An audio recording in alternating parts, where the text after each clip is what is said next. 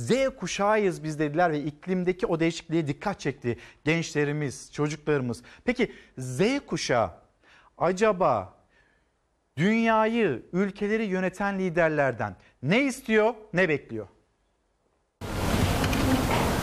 Günde yani böyle bir 6 saat falan telefonlayım. Üniversite öğrencilerine sosyal medya ölçeği uygulandı. Kadınlar sosyal medyadan daha çok duygusal destek alıyor. Erkeklerse olumsuz etkileniyor. Sosyal medya aslında depresyonu çok arttıran bir şey. 17-20 yaşlarındaki gençlerin aklı sürekli olarak sosyal medyada neler olup bittiğinde. Sosyal medyada bulunma isteklerinin çok yüksek olması nedeniyle orada olmadıklarında hayatlarının boş, sıkıcı ve zevksiz geçtiğini düşünüyorlar. Üsküdar Üniversitesi İletişim Fakültesi ve Marmara Üniversitesi Atatürk Eğitim Fakültesi tarafından ortak yapılan bir çalışmayla Türkiye'nin sosyal medya bağımlılığı ölçeği hazırlandı. Üniversite öğrencilerine uygulanan ölçeğe göre 17-20 yaş aralığındaki öğrenciler 20-25 yaş aralığına göre sosyal medyaya zihinsel olarak daha fazla bağlı kalıyor.